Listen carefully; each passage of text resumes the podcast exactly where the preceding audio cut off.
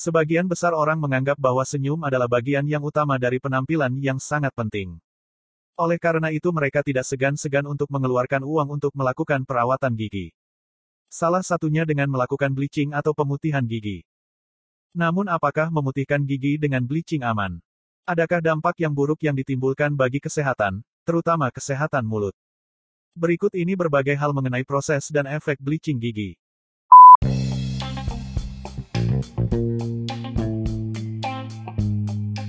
Halo, selamat datang di podcastnya Dokter Gigi Gaul.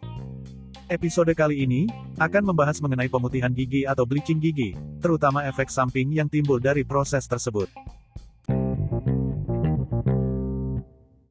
Apa itu bleaching gigi?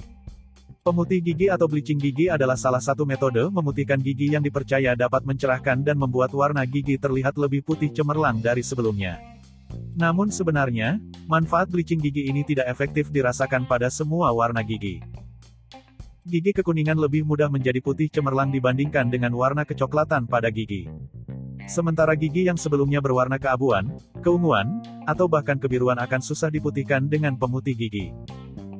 Oleh karena itu, untuk pemakaian produk pemutih gigi sebaiknya diskusikan dengan dokter gigi agar mendapatkan hasil yang maksimal. Selain itu dokter gigi juga bisa merekomendasikan metode lain untuk memutihkan gigi, misalnya dengan veneer gigi atau dental bonding. Hasil warna gigi yang didapatkan tergantung dengan masing-masing produk pemutih yang dipakai. Selain itu, tergantung juga pada kondisi gigi, noda yang ada pada gigi, konsentrasi pemutih yang dipakai, durasi waktu, serta sistem pemutihan yang digunakan. Hal-hal tersebut dapat menimbulkan efek samping pada rongga mulut. Pertanyaannya sekarang, apa saja efek bleaching gigi yang perlu diketahui? Terdapat empat efek samping dikarenakan proses bleaching gigi yang sering terjadi pada orang yang melakukan perawatan dengan metode ini untuk memutihkan gigi, yaitu 1. Nyeri pulpa setelah prosedur atau pulpalgia.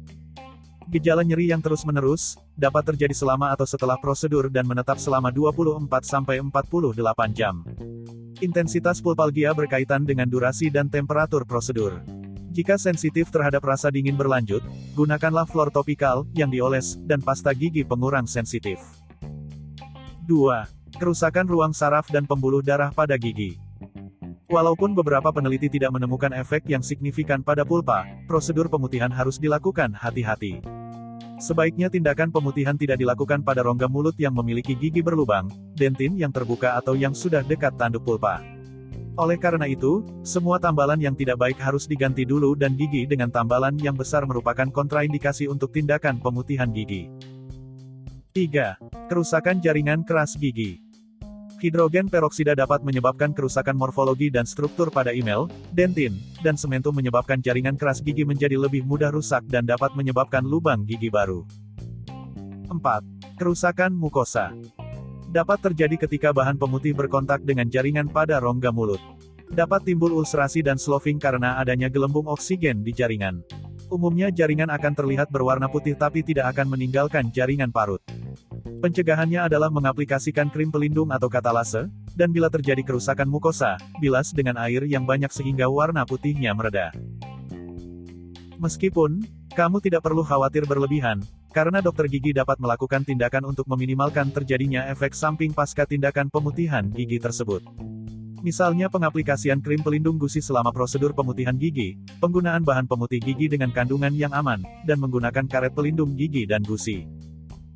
Sedangkan pencegahan terjadinya kerusakan email setelah tindakan pemutihan gigi, antara lain menggunakan bahan pemutih gigi dengan kandungan yang aman, serta mengaplikasikan fluor untuk mengembalikan mineral-mineral gigi yang hilang. Perlu diingat bahwa, tidak semua pasien bisa langsung dilakukan tindakan pemutihan gigi. Pasien-pasien yang memiliki gigi berlubang dangkal, gigi berlubang dalam yang hampir mengenai ruang saraf dan pembuluh darah, gigi hipersensitif, dan terdapat tambalan yang buruk dan rusak, harus dilakukan perbaikan dan perawatan terlebih dahulu sampai kondisi giginya membaik. Frekuensi melakukan tindakan pemutihan gigi di klinik dokter gigi juga tidak boleh terlalu sering dan dalam jangka waktu yang berdekatan. Sebaiknya Anda boleh melakukan pemutihan gigi kembali, setelah warna gigi Anda berubah kembali seperti warna semula. Rata-rata waktu bertahannya warna gigi setelah tindakan pemutihan adalah satu tahun, tergantung kebiasaan makan, minum dan merokok setiap pasien. Dan yang paling penting adalah, Lakukan proses pemutihan gigi ke dokter gigi. Dokter gigi dapat mengatasi efek samping yang ditumbuhkan akibat proses pemutihan gigi dengan baik. Lebih utama lagi, hindari memutihkan gigi jika tidak benar-benar diperlukan, agar terhindar dari efek sampingnya. Semoga bermanfaat.